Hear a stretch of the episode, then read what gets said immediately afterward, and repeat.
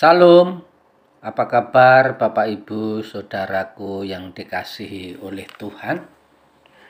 Doa saya Anda dalam keadaan sehat, kuat, dan tentunya tetap bersemangat. Kembali saya Pendeta Samuel sharing kebenaran firman Tuhan yang saya ambil di dalam Mazmur 54 ayat yang kelima Demikianlah kebenaran firman Tuhan itu. Sebab orang-orang yang angkuh bangkit menyerang aku. Orang-orang yang sombong ingin mencabut nyawaku. Mereka tidak mempedulikan Allah. Haleluya. Di kesempatan ini saya kasih tema menghadapi hal-hal yang tidak menyenangkan. Hidup kekristenan atau hidup seorang Kristen tidak selamanya menikmati hal-hal yang menyenangkan. Suatu saat Tuhan mengizinkan kita menghadapi dengan yang tidak menyenangkan. Yang tidak menyenangkan itu biasa dari datang dari mana saja namun biasanya yang sering terjadi adalah orang yang dekat dengan kita. Baik itu suami, baik itu istri, baik itu keluarga atau anak-anak, bahkan ada di dalam pekerjaan dan usaha kita kita harus mempunyai kekuatan iman agar siap menghadapi serta mampu mengatasi perkara-perkara yang tidak menyenangkan itu.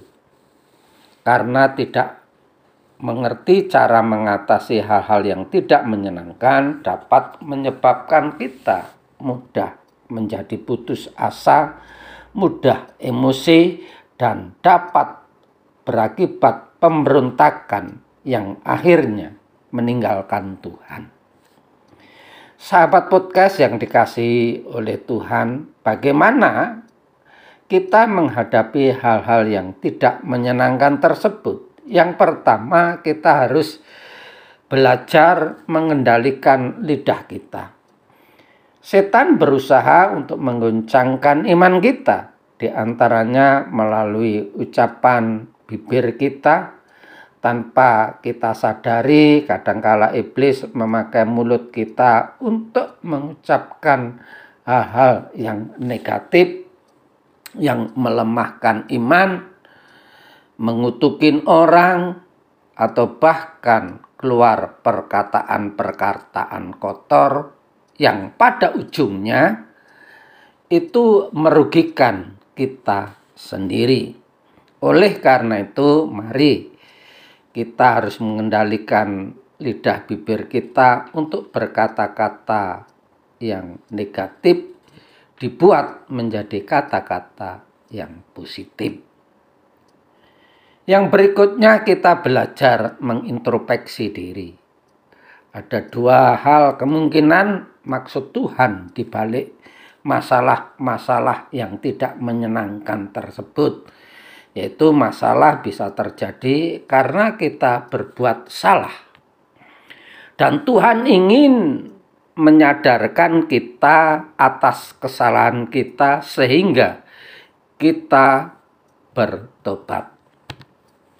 Kemudian yang berikutnya adalah masalah itu terjadi karena Tuhan mengizinkan untuk melatih kita untuk mendewasakan rohani kita dan kita tetap bisa bertumbuh di dalam Tuhan. Yang ketiga, kita harus belajar mengerti rencana Tuhan.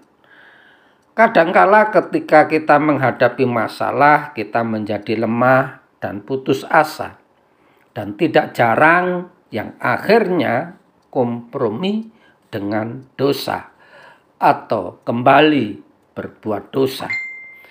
Itu sebabnya di antaranya karena kita tidak mengerti rencana Allah di balik masalah-masalah yang kita hadapi.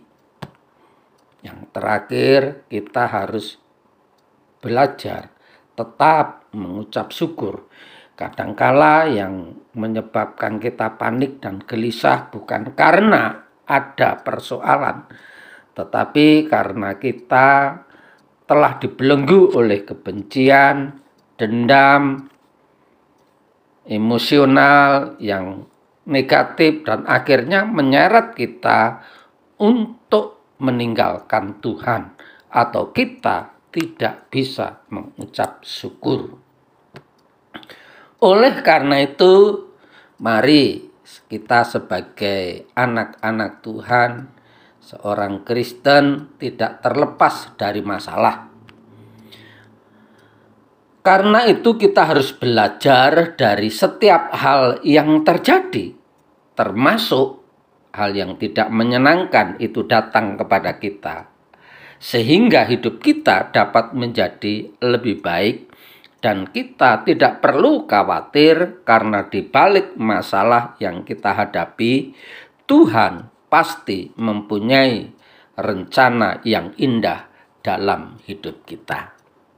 Selamat beraktivitas.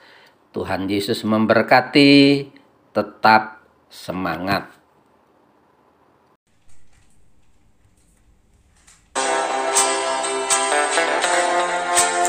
Sampai jumpa esok hari. Kiranya damai sejahtera dari Allah Bapa, kecintaan dan kasih karunia Tuhan kita Yesus Kristus, persekutuan serta penghiburan Roh Kudus menyertai kita sekalian mulai hari ini sampai Maranatha Tuhan.